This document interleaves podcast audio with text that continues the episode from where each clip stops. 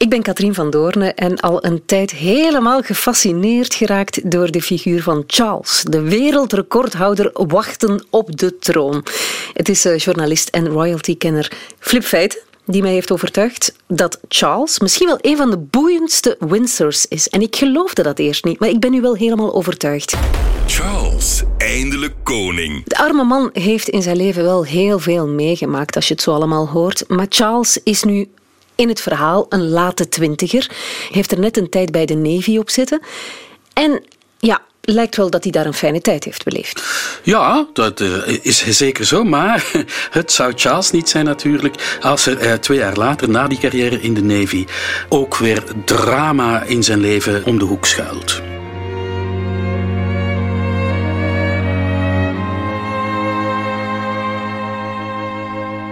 Charles is 30 als, zoals hij het zelf zegt, de meest traumatische gebeurtenis in zijn leven plaatsvindt. En dat was op 27 augustus 1979. Hij was net begonnen met, met uh, ja, invulling te geven aan zijn leven. Uh, hij was aan het nadenken over liefdadigheidsprojecten uh, en de zoektocht naar een echtgenote natuurlijk. En toen gebeurde er iets vreselijks. Een van de twee belangrijkste figuren in zijn leven, graaf Louis Mountbatten, zijn grootoom eigenlijk, die werd vermoord bij een aanslag van het IRA, de Ierse separatisten. Mountbatten was toen al 79. Hij had een kasteeltje aan de Ierse westkust. En hij was met een, zijn vissersbootje met zes andere mensen uitgevaren om kreeftenmanden die waren uitgezet leeg te halen. En uh, toen, ja, van op afstand, werd een bom tot ontploffing gebracht. Van de uh, zeven opvarenden waren er vier dood en drie heel zwaar gewond. Uh, er waren ook twee kinderen bij, dus uh, het was echt vreselijk. Drama. Ja, en Charles verneemt dat nieuws. Die is op dat moment in IJsland. Op een visvakantie, is altijd vissen. en ja, verneemt dat nieuws en dat, dat is voor hem verschrikkelijk. In, een telegram aan Mountbattens privésecretaris schrijft de prins: Dit is de ergste dag van mijn leven. Ik kan me niet voorstellen dat ik zonder hem verder moet. Uh, het is trouwens nu nog altijd een, een, kerf in zijn ziel. Want ja, hij verloor eigenlijk de grootvader die hij nooit had gehad, zeg maar, maar misschien zelfs de vader die hij nooit had gehad. Hij had een vader, hè, maar uh, dat was iemand waar hij met alles terecht kon. Met zijn twijfels, zijn vragen, uh, zijn liefdesleven, de, meest intieme dingen, alles. En, en was ook iemand die trots was op Charles. Die hem aanmoedigde, die, die hem prees, die hem complimenten gaf uh, als hij iets bereikte. En, en advies bij moeilijke en persoonlijke keuzes. Enfin, allemaal dingen waarvoor hij niet of nauwelijks terecht kon bij zijn echte vader, prins Philip. En ook, niet vergeten, Mountbatten was een heel goede bemiddelaar tussen Charles en zijn afstandelijke ouders. Ja, dat viel nu allemaal weg. En als je kind bent van een koninklijke familie, Catherine, dan is het eigenlijk ja, onmogelijk om iemand te vinden die zo'n vertrouwenspersoon kan vervangen.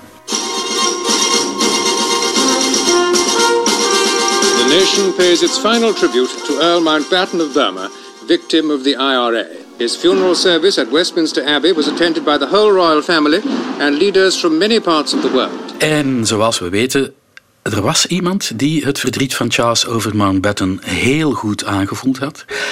En die dus ook een snaar bij hem raakte eh, toen ze daar uh, iets van zei. Waardoor Charles dat meisje met andere ogen ging bekijken. En dat was ene Lady Diana Spencer. In uh, 2015 pas voelt Charles zich in staat om de plaats te bezoeken waar Mountbatten werd vermoord.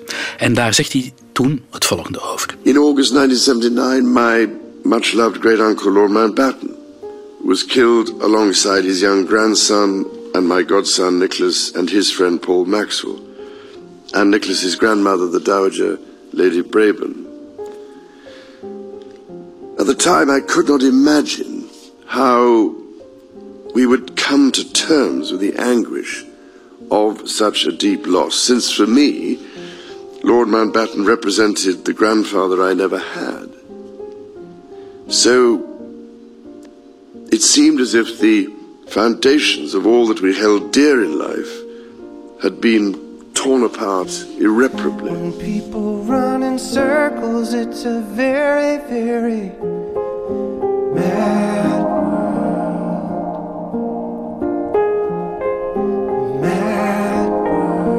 zeer triest moment voor Charles natuurlijk. Hè. Hij moet zich nu waarschijnlijk nog eenzamer gevoeld hebben na de dood van Earl Mountbatten dan dat hij al was in zijn leven. Maar nu lijkt het wel of zijn leven in en al kommer en kwel is geweest, Flip, maar dat was het echt niet, hè? Nee, nee, nee. Zijn opleiding is voorbij, zijn militaire opleiding is voorbij. Het zwarte gat zou je kunnen zeggen, hè, Ja. nu. Maar eh, dat moet je hem echt wel nageven. En vriend en vijand doen dat ook wel.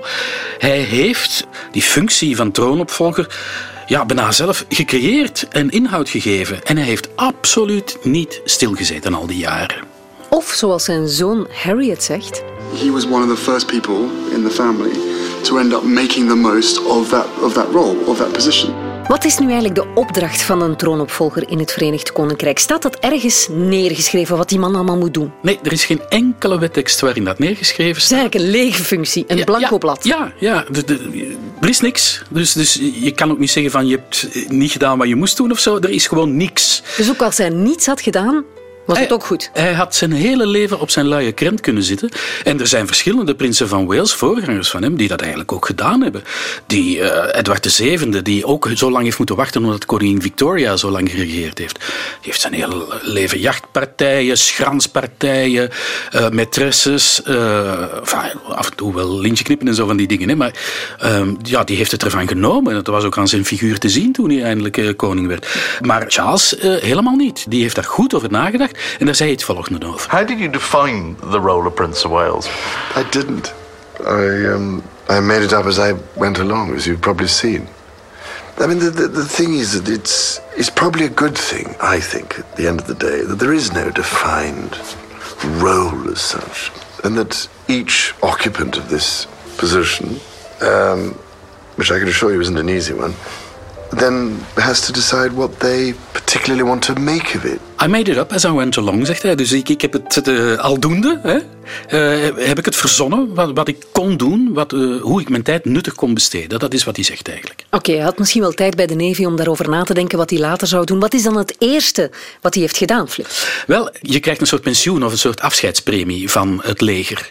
En die heeft hij meteen geïnvesteerd in een, de oprichting van een stichting, een liefdadigheidsorganisatie. De Princess Trust. En ehm, dat is een organisatie waarbij je jongeren een nieuwe start in het leven wil geven. Jongeren die eh, kansen gemist hebben. Door hun eigen stommiteiten of door gewoon de, de, familie waar ze vandaan komen. Hè, eh, kan- kansarme, gebroken gezinnen, jongeren die aan de drugs zijn geraakt, enzovoort. En het aanbod bestaat, is echt goed overdacht. Eh, bijvoorbeeld een reeks trainingsprogramma's of financiële toelagen of de steun van mentoren die eh, je opnieuw zelfvertrouwen geven en, en motivatie moeten geven. Enfin, je, je kan dat een beetje samenstellen. Elk jaar, hou je goed vast, begeleidt de trust zo'n 60.000 jongeren. Dat is veel. Ja, en vier vijfde daarvan zetten daarna ook de stap naar eh, ofwel werk, ofwel een studie, ofwel een eigen bedrijf, ofwel een beroepsopleiding, of, ofwel vrijwilligerswerk. Dus die slagkansen zijn eigenlijk heel Ja, groot. Als ja, je ja, ja, ja. de Princess Trust achter je krijgt, dan En- is het goed. En eh, het is al zo lang geleden dat die ermee gestart is. Dus sinds de oprichting zijn er al zo'n klein miljoen jongeren op weg geholpen naar een geslaagd leven door de Princess Trust. Dus ja, dat is wel wat, vind ik. The secret is to enthuse people who have become demoralized and perhaps resigned to the hopelessness of their position. Mocht hij dat ook allemaal zomaar doen? Dat is niet vanzelfsprekend geweest. Eh, er waren allerlei, zoals altijd in het leven van een royal, allerlei bezwaren. Eh, er waren, de, koninklijke familie en de hofdignitarissen zeiden ja, maar wat je wilt doen, dat lijkt te veel op de liefdadigheidsorganisaties van prins Philip, dus van zijn vader. Is altijd concurrentie hoor, tussen initiatieven van leden van het Koninklijk Huis. En er was ook politiek, dacht ook van ja, maar ja, maar het begeeft zich een beetje op terrein waar, waar de minister van Jeugd of de minister van weet ik veel zich moet eh, op begeven. Dus eh, daar kwamen ook bezwaren, maar hij heeft. Charles kan koppig zijn als hij wil. Hè. Als hij ergens eh, zijn zinnen op heeft gezet, dan eh, kan hij bergen verzetten. En ja, oké, hij heeft het van de grond gekregen en het is een, eh, ja, een stuk van zijn levenswerk geworden waar, waar je u tegen kunt zeggen. Absoluut. En hij kreeg ook die bevestiging hè, dat die Princess Trust echt wel het verschil maakt bij sommige mensen. Charles zegt het zelf. It makes an enormous difference to me to receive letters all the time from people who say, if it hadn't been for the Prince's Trust, I would have committed suicide. Or I would have gone on taking drugs or whatever. Bij sommigen heeft dat echt het verschil gemaakt tussen slagen of ten onder gaan in het leven. Hè? En trouwens, een van de bekendste jongeren uit dat programma van de Princess Trust is iemand die vrijwel iedereen kent, de acteur Idris Elba. Die heeft een studiebeurs gekregen van 1500 pond, dus dat was, dat was niet een enorm bedrag. Maar daardoor kon hij een opleiding volgen aan het eh, National Youth Music Theatre in Londen. En dat bleek de start van ja, de succesvolle carrière die we ondertussen kennen. hè. Zo is dat. Ja. Speelde mee in The Wire onder andere. Hè. Ja. Het is zijn zonen ook niet ontgaan. Hè. Harry is fier als een gieter over het werk van zijn vader. One of the things I'm most proud uh, about my father is Princess Trust.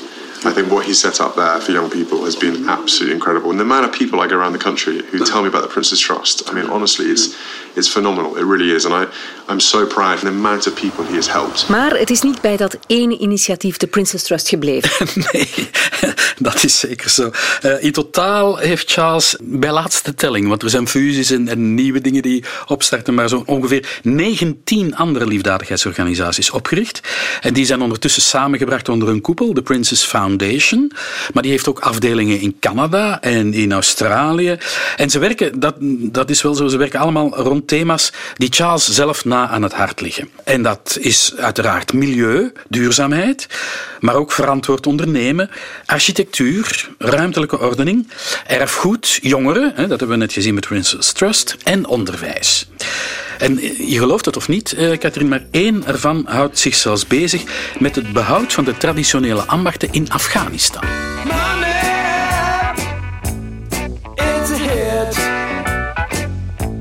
Don't get me back to good, good bullshit.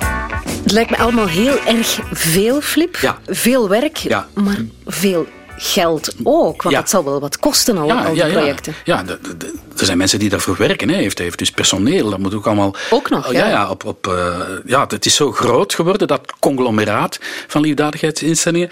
En ja, vaak gaat het dus puur om liefdadigheid. Dus hoofdzakelijk om giften. Er worden bijvoorbeeld eh, grote evenementen georganiseerd, benefietconcerten, maar ook fundraisers. Hè, dineetjes, lezingen, waarop je de prins kan ontmoeten en een handje geven of aan zijn tafel aanzitten. Maar ik kan je verzekeren dat eh, dat kost een flinke duit. Dat is niet voor iedereen weggelegd. Als we nu eens samenleggen, Flip. Jij en om, ik. eh, Om elk aan een kant van hem te zitten. Maar, maar er zijn heel veel mensen, eh sheiks, ondernemers, god weet wie, die, die dat willen doen. Hè? Die, Ja, ja. En die enorme sommen geven en die dan bij hem ontvangen worden. Ja. Ik kan het mij voorstellen. Zeg maar, komt hij daar dan niet mee in moeilijkheden? Hè? Als hij zo afhankelijk wordt van, van al die giften en die belangrijke mensen met veel geld. Ja. Ja, eh, dat is eh, heel ehm, gevaarlijk terrein. Hij is er trouwens al mee in opspraak geraakt. Toen bleek dat een van zijn hoogste en trouwste medewerkers, een Saoedische donateur, eh, in ruil een adellijke titel en de Britse nationaliteit had beloofd. Oeh, dat ruikt en een dat- beetje. ja, dat kan helemaal niet. Hè. Dat is wettelijk niet in orde. En, en dan moet ik erbij zeggen, dan heeft hij, dat is wel heel straf hoor, de goede raad van zijn zoon Harry in de wind geslagen. Want diezelfde Saoedische donateur had ook een project van Harry gesteund. Eh, maar Harry ontdekte dat die man niet zuiver op de graad was en heeft tijdig alle banden eh, met eh, die persoon verbroken. En hij had zijn vader gewaarschuwd van, doe dat ook. Eh, maar Charles is daar niet op ingegaan en hij is daardoor ook echt in de problemen geraakt. Ja. Maar hoe hard is hij daar zelf allemaal mee bezig? Want hij zegt, hij heeft personeel om die dingen te doen. Hij betaalt die dan waarschijnlijk ook. Er zijn ook veel vrijwilligers. Ja, gepassioneerd. Echt? Dag in, dag uit. Eh, Camille zei dat hij er zelfs op kerstdag nog mee bezig is. Dus zijn agenda zit vol geplakt. Hij organiseert aan de lopende band ontmoetingen waarbij mensen en organisaties bij elkaar brengt die eigenlijk zo'n beetje eh, over dezelfde problematiek, maar langs elkaar heen werken. Eh, eh, ondernemers, maar ook overheden, NGO's, stichtingen, eh, vrijwilligers. En dan probeert hij ze wel, dat moet je er wel bij zeggen, onvermoeibaar van zijn eigen inzichten te overtuigen hoe het allemaal zou moeten. eh, met een betere wereld als hoger doel. Eh, Hij heeft voor die ontmoetingen ook een term. Hij noemt dat convening power. Dus de, de eh, macht om mensen bij elkaar te brengen. En dat heeft hij natuurlijk ook. Als bij jou of bij mij een eh, brief in de bus valt met het stempel van de Prince of Wales en je bent uitgenodigd voor een etentje, wat doe je dan? Dan ga je. Ik, ik loop naar boven naar mijn kleerkast en ik kijk wat ik ga aandoen. Dus ja. dat is convening power. Je, je, je weigert geen uitnodiging van de prins, maar ja, je gaat daar dan naartoe. Hè. Je gaat naar zo'n dinertje en dan, zit, dan hang je eraan. Hè. Ik bedoel, want eh, dan begint hij zijn uitleg te doen en dan vraagt hij uiteraard om eh, zijn projecten te steunen of je vrienden aan te spreken. Ja, komt daar niet onderuit, want hij pakt je met zijn warmte en zijn spontaniteit en zijn humor en zijn charme helemaal in. Je gaat onherroepelijk voor de bijl. Hij is de ultieme netwerker en, lobbyist en ja, dat weet hij ook van zichzelf. And I apologize if I put too much strain on you all. I, as you know by now, I hope, that my problem is that I can't resist trying to find a way of doing something about many of the problems that I come across. If you want a quieter life, lock me up. Don't let me go anywhere or see anything. Probably by the time I'm dead, we might have a really powerful organization. If you want a quiet life, lock me up. Hè. Dus als je met rust gelaten wil worden, dan moet je mij opsluiten. hij, hij wijst bedrijfsleiders ook op hun verantwoordelijkheden. Hij is echt hun luis in de pels. I'm no longer at risk of being a blinding nuisance. I am a blinding nuisance. And what more can I do but urge you, this country's business leaders, to take the essential action now to make your businesses more sustainable? And that, ladies and gentlemen, is the whole point of my May Day initiative. To help you make the necessary change in the way you do business. I am a blinding nuisance. Ik ben- Moet je dat nu vertalen? Dat, ik- ik- ja, ik ben, ik ben een, een ongelooflijke ambetanterik. Hè? Dat is het eigenlijk. Hè? Bij- bijvoorbeeld, er is een beeld dat mij heel erg bijstaat. Er was een congres eh, voor waar allemaal ondernemers op uitgenodigd waren.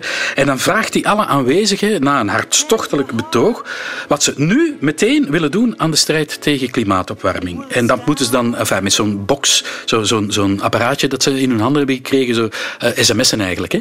Nou, maar die, wat ze daar intikken, dat verschijnt op een scherm, op het podium. En dus iedereen kan lezen wat iedereen belooft. En ja, die CEO's die kunnen dan niet anders dan heel schaapachtig beloven dat ze, ja, hun volgende auto een hybride zal zijn, of dat ze fietsvergoedingen Of in hun bedrijf gaan planten. Voilà. Ja. Eh, En, en eh, ja, op de duur, eh, ministers en gemeentebestuurders vooral, die beven op voorhand al als ze zo'n uitnodiging van de prins krijgen. Want hij neemt ze ook mee naar projecten van buurtopbouw of ruimtelijke ordening of organische landbouw.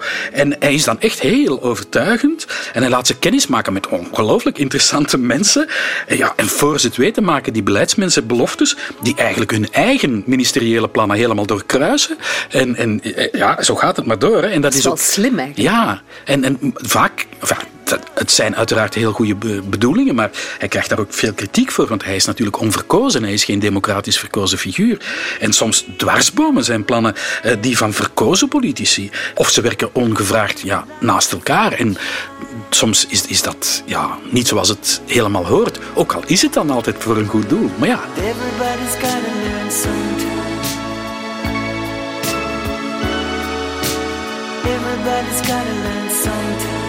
Flip, voor jij mij Charles leerde kennen, dacht ik dat Charles iemand was die alles in het leven pakte hoe het kwam. Dat, dat, dat komt natuurlijk omdat wij ontzettend veel foto's van hem zien in zijn schotsrokje. Ja, Eh, ja. Ergens aan een meer, Ja. aan het vissen, of eh, aan het jagen, of polo aan het spelen. ja, ja.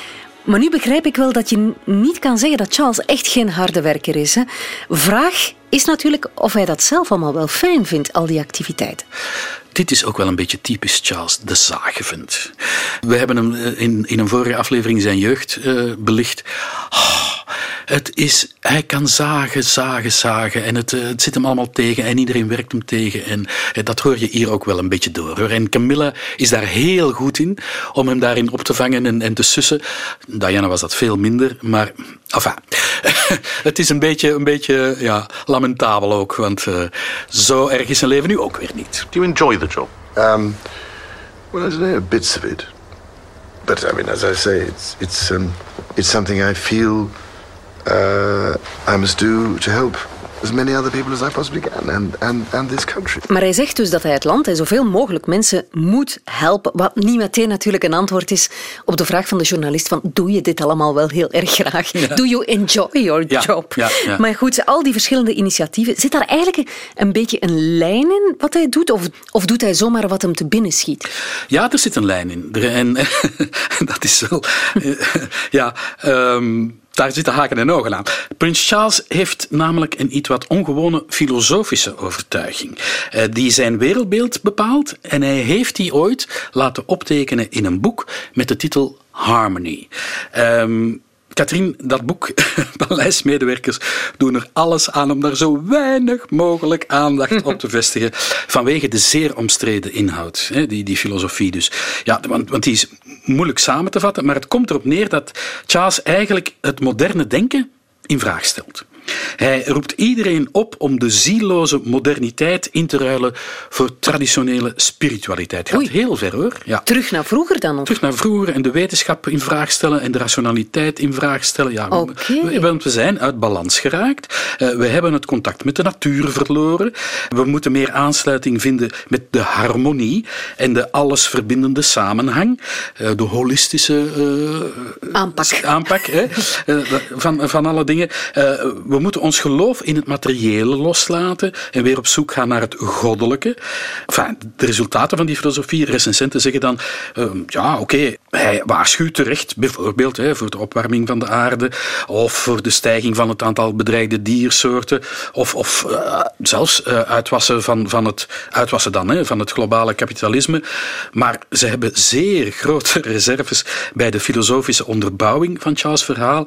Want dat is, ja, ik kan het niet anders noemen dan een eh, zeer amateuristisch samenraapsel dat onder meer verwijst naar alchemie, esoterische teksten, gnostische teksten, wijsheden van de antieken met een hoofdletter A. Bijvoorbeeld ook het, het, het eh, evangelie van Maria Magdalena, ooit van gehoord? Ah, nee. Eh, De smaragden tafel van Hermes. Heb jij daar ooit van gehoord? Nooit van gehoord. Ja, dus, enfin, maar het ja. klinkt wel zweverig. Ja. Wat betekent dat dan in de praktijk? Is hij dan ook zo zweverig met zijn, met zijn projecten? Nee, nee, nee, nee. nee. Dat is de voedingsbodem, maar van daaruit neemt hij heel harde en concrete standpunten in. Bijvoorbeeld, hè, als je het hebt over de harmonieuze balans tussen mens en natuur, dan zit je meteen volop in, in de milieuproblematiek, het klimaatvraagstuk. En dat moeten we hem echt wel nageven. Eh, daar was hij behoorlijk vroeg mee. Want al in eh, 1970 hield hij een speech waarin hij het had over de vervuiling van, bijvoorbeeld eh, de vervuiling van de oceanen, eh, door alle plastic verpakkingen die daarin gedumpt worden. Dus wat wij later eigenlijk de plastic soep zijn gaan noemen. Ja, ja, precies. En dat wist hij dus al, al 50 jaar geleden. There are 55 million of us on this island using non returnable bottles and indestructible plastic containers. It is not difficult to imagine the mountains of refuse that we shall have to deal with somehow. Make the world your priority.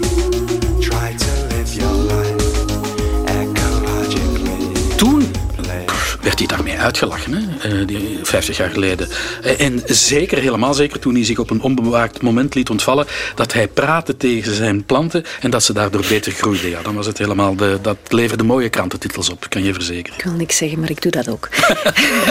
nu, het is wel een beetje veranderd. Hè. Nu wordt hij wel meer au sérieux genomen. Die, die, ja, die houding tegenover Charles is veranderd. Want ik heb de indruk dat hij een graag geziene gast is op heel belangrijke bijeenkomsten. Flip, zoals bijvoorbeeld de klimaatconferentie Davos. Now, I have dedicated uh, much of my life to the restoration of harmony between humanity, nature, and the environment, and to the encouragement of corporate social and environmental responsibility.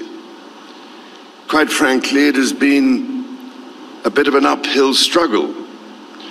But now it is time to take it to the next level. Heb je het gehoord? Heb je het woord harmony gehoord? Dat Ja, hij, er- ja, ja, dat hij er terug. Ja, en hij is er inderdaad al heel zijn leven mee bezig. In het begin werd hij uitgelachen en nu eh, ja, is het thema van vandaag. Hè? En Charles is ook uh, vanuit die filosofie een, een fervent voorstander van organische landbouw. Hij, pleit onomwonden en echt, uh, neemt geen blad voor de mond, hè, tegen de grootschalige agro-industrie en tegen genetisch gewijzigde gewassen. Uh, is, daar trouwens staat hij recht tegenover zijn eigen zus, Princess Anne, die zijn protest onzin vindt. Maar hij wil dus echt, hè, Katrien, elke Britse boer overtuigen om over te schakelen op biolandbouw. Because uh, they're going to have one form of clever genetic engineering after another, then again count me out, because that will be guaranteed to cause the biggest disaster environmentally of all time. Genetisch gewijzigde gewassen, no, no, no. Hè? Uh, en en uh, je, je kan best uh, een heel goede voedselproductie hebben zonder al die rommel. bezwaren countert hij ook met verwijzingen naar zijn eigen landgoed, Highgrove, waar hij woont, hè, dat hij helemaal heeft, heeft ingericht. En daar hoort een boerderij bij, Dutchy Home Farm. En die werkt volledig volgens de principes van de organische landbouw. Now, as I see it, we will have to develop much more sustainable or durable forms of food production because the way we have done things up to now are no longer as viable as they once appeared to be. Hij is er ook mee begonnen destijds om die, de eigen productie van die Dutchy Home Farm uh, te verwerken in een reeks voedingswaren met een label, Dutchy Originals heet dat. En dat heeft hij aangeboden aan een warenhuisketen, Waitrose. En van, van, iets kleins is dat iets heel groots geworden. Waitrose, uh, die onder het label Dutchy Organic of Dutchy Originals, die bieden nu een enorm gamma, je moet maar eens gaan kijken op de website van Waitrose, bioproducten aan. Maar ondertussen niet alleen van de, de, de boerderij van Charles, maar van verschillende bioleveranciers. En dat gaat van zandkoekjes, groenten, vlees, melk tot bier en spaghetti. Maar het is wel zo, wie het label gebruikt, die moet dan weer royalties betalen aan een van de liefdadigheidsprojecten van Charles. Zo werkt het dan weer. Cirkel is weer ja, rond. Ja. The green plastic watering can a fake Chinese rubber plant And a fake plastic heeft het ook heel vaak over architectuur, hè, Flip, en over uh, ruimtelijke Ja. ordening. Hoe ziet hij Ja, dat? dat is echt, echt een stokpaardje van hem ook. Ja, hij vindt de manier waarop er nu gebouwd wordt, eh, dat is tegen zijn eh, principes van... Dat is te rationeel, hè. te- Je bedoelt de woontorens Ja, en eh, zo? wolkenkrabbers, no, no, no. Eh, hypermoderne gebouwen, nee. Eh, en, en dat heeft wel effect, hè? want door zijn tussenkomst bijvoorbeeld zijn er een paar hypermoderne projecten in Londen er gewoon niet gekomen. Hij heeft zich zo hard gemoeid dat die aannemers of die consortia die eh, dat project gingen realiseren, dat die zich hebben moeten terugtrekken. Bijvoorbeeld, een, een goed voorbeeld is, op een bepaald moment ging er een uitbreiding komen op eh, Trafalgar Square, midden in Londen, heb je de, de National Gallery, het prachtige museum, hè, schilderijmuseum. En daar ging een, een nieuwe vleugel aankomen en hij heeft eigenlijk in zijn eentje, er was een ontwerp afgrijzelijk, vind ik nu eerlijk gezegd zelf ook. Je ziet dat dat in die tijd modern was, maar dat zou de tand destijds niet doorstaan hebben. Als dat er nu nog stond, zouden we dat echt lelijk gevonden hebben. Maar hij heeft, helemaal in zijn eentje, heeft hij dat tegengehouden. What is proposed seems to me like a monstrous carbuncle on the face of a much loved and elegant friend. Ja, hij zegt hier dus gewoon dat die voorgestelde uitbreiding van eh, de National Gallery eruit ziet als een monsterlijke puist op het gezicht van een zeer dierbare vriend. Ja, het was wel zo. Goed. Ehm, maar eh, Het is er niet gekomen. het is er niet gekomen. eh, en Dus hij heeft invloed. hij heeft invloed, ja.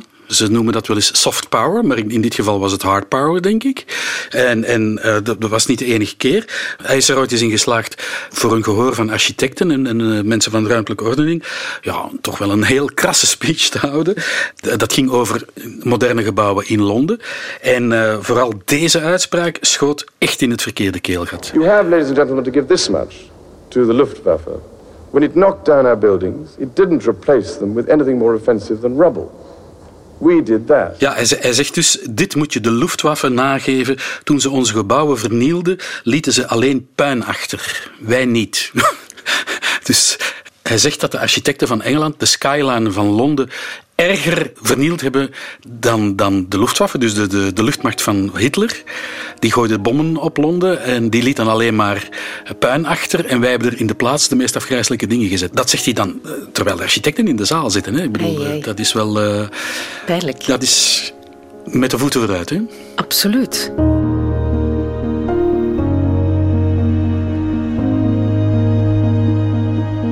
Uit zijn harmony-filosofie puurde Charles ook zijn visie op ruimtelijke ordening. En dat gaat ook ver. Dat gaat over duurzaamheid en, en harmonieus samenwonen in steden. Dat heeft hij heel zijn leven gedaan. En op een bepaald moment was hij het beu. Naar zijn aanvoelen eh, kon hij te weinig mensen overtuigen van zijn ideeën. En weet je wat hij toen gedaan heeft? Toen heeft hij gewoon zelf een stad van nul opgetrokken. Een, een nieuwe stad. Waar dan? In, in Dorchester, dat is een, een stad in het graafschap Dorset. In een uitbreidingsgebied daarvan, waar hij rechten kon op doen gelden, is hij aan de slag gegaan met mensen die iets van ruimtelijke ordening kenden, met architecten, met aannemers, die zijn overtuigingen deelden. En, en daar ligt nu, eh, eh, ja, eh, ik zeg het, hè, een totaal nieuw stadje van nul opgericht. Poundbury heet dat. Je kan daar naar gaan kijken, ik, ik heb het gezien. Oh? Ja, het, is, ja het, het, het ziet er een beetje uit ja, het, het, het zijn allemaal klassiek uitziende gebouwen. Er staat geen enkel modern gebouw in. Er staat geen enkele wolkenkrabber in. Maar is het mooi? Ja, het is zo'n beetje, weet je, krijgt het effect alsof je in Disneyland loopt. Oei. Ja, eh, want ja, het, het is, eh, alle gebouwen hebben wel zo'n klassieke uitstraling. Maar zijn modern. Maar zijn natuurlijk modern. Die, het patina van de tijd zit daar niet Ja, op. Hè? ja, ja. Dus het, het, het, het is een klein beetje, hoe moet ik het zeggen, artificieel. Maar het is ook wel, ja, heel, inderdaad, zoals hij het wilde, heel harmonieus en mooi. En er wonen al eh, meer dan 2500 mensen in. Er zijn al 180 bedrijven. En, en de bedoeling is als het helemaal af zal zijn, dat het een stadje van 6000 mensen zal zijn. En ja, autoluw, huizen die eh, zoveel mogelijk CO2-neutraal zijn. Arm en rijk woont door elkaar. eh, winkels en, en wonen door elkaar. Een soort utopia Ja, eigenlijk. ja. Zijn ja. eigen utopia. Ja, ja, apen trots op. Hij sleept iedereen die hij kent ermee naartoe. Hij heeft ook uiteindelijk de Queen eh, is zover gekregen dat ze er een standbeeld kwam inhuldigen. En er is natuurlijk ook een filiaal van Waitrose, waar je hè, de Dutchy Original producten kan kopen. En toen stond de Queen in de- die supermarkt. En toen er is een foto van haar gemaakt waarbij ze voor het rek van alle kazen stond. En stom verbaasd. Stom verbaasd. Je ziet het in haar blik dat er zoveel kazen zijn. Nu, ik denk dat de Queen in haar leven nooit vaak in een supermarkt gekomen is. Laat staan zelf een koelkast heeft opengetrokken. Precies, ja.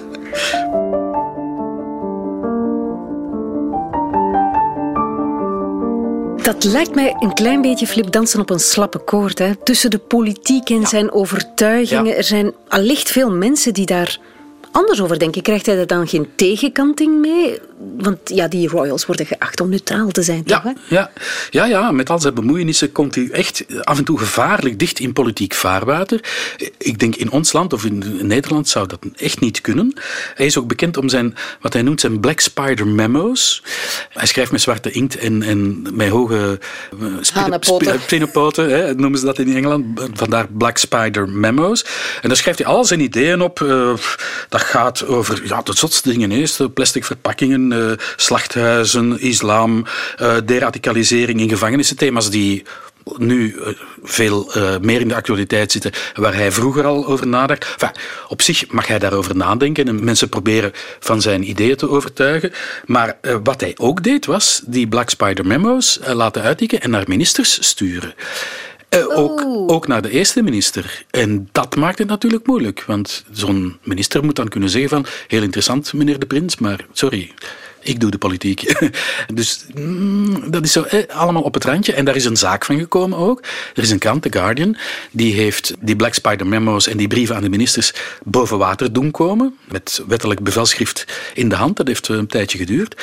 En je, je kan ze nu lezen op eh, een site op internet. En dan zie je, ja, het is net op het randje. En ehm, hij had bijvoorbeeld ook zeer uitgesproken ideeën over homeopathie. Daar heeft hij eh, echt hemel en aarde voor verzet om uh, bijvoorbeeld homeopathie in het uh, NHS te krijgen, de Britse gezondheidsdienst, die uh, gratis is hè, voor iedereen. Hè.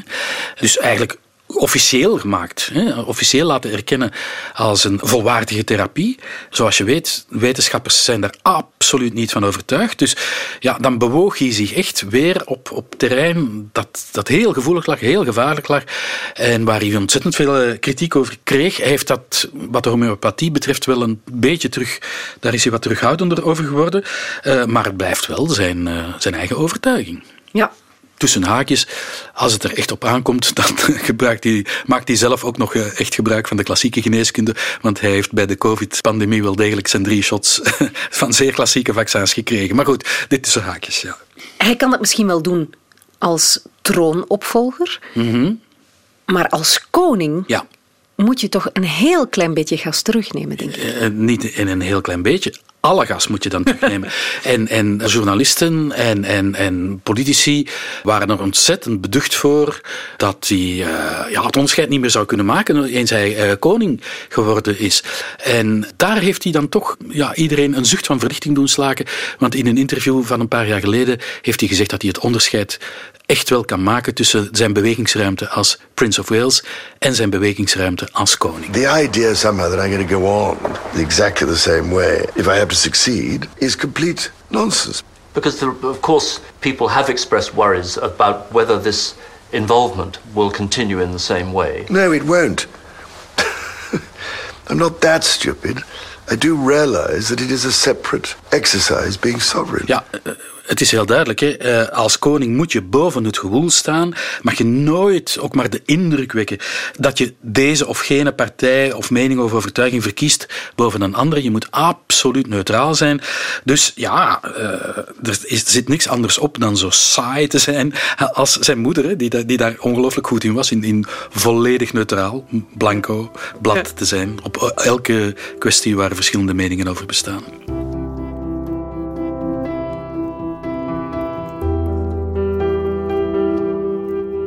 De koning van het Verenigd Koninkrijk is natuurlijk ook iets anders dan het koningshuis hier. Hè? Want dan ben je ook, als je koning bent van het Verenigd Koninkrijk, hoofd van de Anglikaanse kerk. Ja. Heeft hij vanuit dat oogpunt ook een speciale of aparte kijk op, op religie dan? Ja, dat dateert van Hendrik VIII. Hè? Je weet, hij wou trouwen met Anne Boleyn en dat mocht niet van de paus. En toen zei hij, oké, okay, dan sticht ik mijn eigen kerk en ik ben, voilà. daar, en ik ben daar de baas van. Opgelost. Voilà.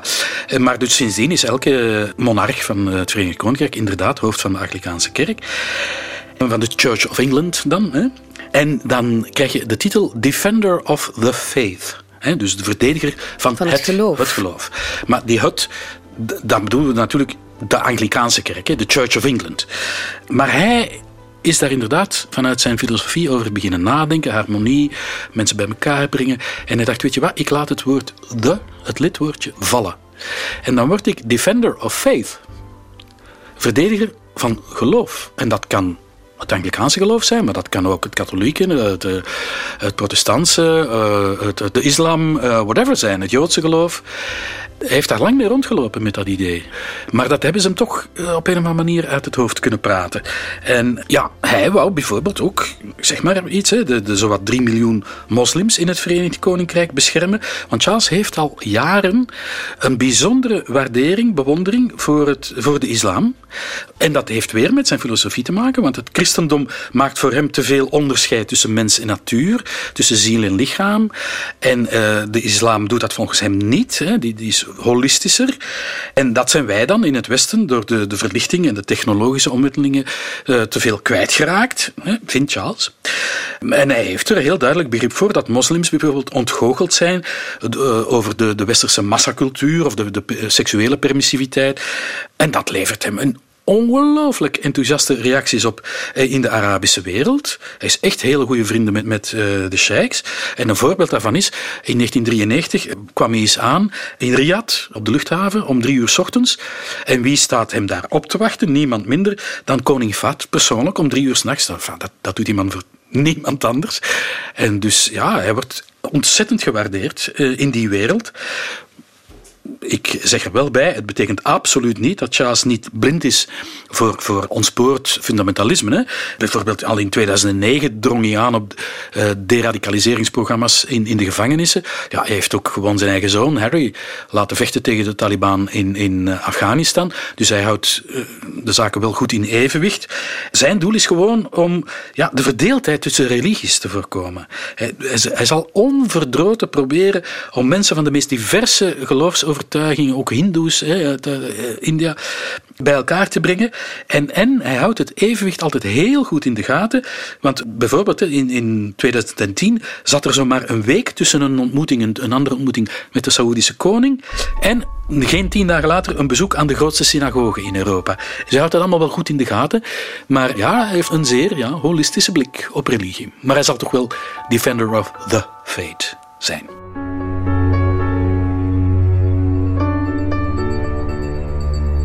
En natuurlijk zijn er weer kwaadongen die beweren dat al dat werk dat Charles heeft verricht, al die ideeën die hij heeft uitgewerkt, dat het eigenlijk niks voorstelt. Auteur Anthony Holden is zo iemand. The work of the Princess Trust, as I've said, is, is estimable and perhaps underpublicized. But if you look at all the other causes that Charles has famously championed, architecture, organic farming, alternative medicine, literacy standards, people reading Shakespeare and so on, really there's very little concrete that he's achieved. He does tend to launch things and then abandon them and leave other people to pick up the pieces as his interests move elsewhere. And there's, there's nothing substantial that he can point to. It's uh, in many ways a rather sadly wasted life. Het is wel inderdaad zo, zoals hij zegt, dat uh, Charles zijn aandacht voortdurend verlegt en verspringt van het ene onderwerp naar het andere. Maar zijn charities hebben toch ook wel serieuze dingen gedaan. En als je denkt aan wat hij met de Princess Trust heeft gedaan, Nee, ik denk echt niet dat je dat zomaar uh, opzij kan schuiven. Hij heeft met die leegte die er in zijn leven was, hè, na die legerdienst, toen wist hij niet dat het zo lang ging duren, maar hij heeft met al die jaren echt wel ingevuld soms op een veel te bedillerige manier en, en uh, zich met te veel zaken bemoeit, waar hij misschien wat meer afstand had moeten nemen. Maar hij heeft ook echt wel zinnige dingen gedaan en, en een zinnige bijdrage geleverd, zelfs aan de discussie, hè, zeg maar, over klimaat en over milieu. Uh, en ook echt mensen, veel mensen, geholpen. Dus ik vind dat Holden hier toch wel een beetje overdrijft, hoor. Ja. Wordt hier nu een zaadje geplant voor een Belgische fanclub van Prins Charles? We zullen zien. Hè. In elk geval anderen, zoals deze correspondenten voor de krant The Daily Mail, die nemen het dan weer voor hem op. Oké. Okay. I think what Prince Charles would like to be remembered for is his often extremely lonely crusades um, on things like brutalist architecture, organic farming, um, genetically modified uh, seeds and things like that, holistic medicine. Now, one has to remember that when he started banging on, as he would put it, on these issues, uh, he was ridiculed. He was called the potty prince. Um, now these issues are mainstream. Ja, we hebben het al gezegd. In het begin werd hij belachelijk gemaakt. Er werd een potty prince hè, genoemd. Niet goed snik betekent dat dus eigenlijk. Hè. Eh, denk aan babbelen met de planten. Hè. Uh, ja, maar nu zijn die ideeën over milieu en, en klimaat mainstream. Hè. Ze worden overal besproken. En zijn kinderen, uh, die vinden het geweldig wat hun vader allemaal heeft verwezenlijkt.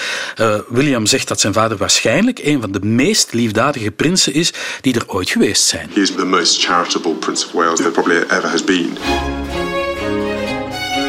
We kennen hem nu, Flip, als uh, bezige prins van Wales. Maar wat voor een koning moet Charles nu zijn? Wat zijn de uitdagingen eigenlijk? En de uitdagingen ook voor de monarchie van het Verenigd Koninkrijk? Ja, dat wordt een enorme moeilijke oefening. Uh, hij moet bijvoorbeeld de monarchie moderniseren zonder de traditie los te laten. Hij moet het land bij elkaar houden, Noord-Ierland, Schotland. Ja, dat is helemaal niet evident. Hij moet de Commonwealth bij elkaar houden. Een enorme evenwichtsoefening moet dat worden. Maar daar is ja, zoveel over te vertellen, Katrien. Dat dat stof is voor een volgende en meteen ook de laatste aflevering van Charles, eindelijk koning.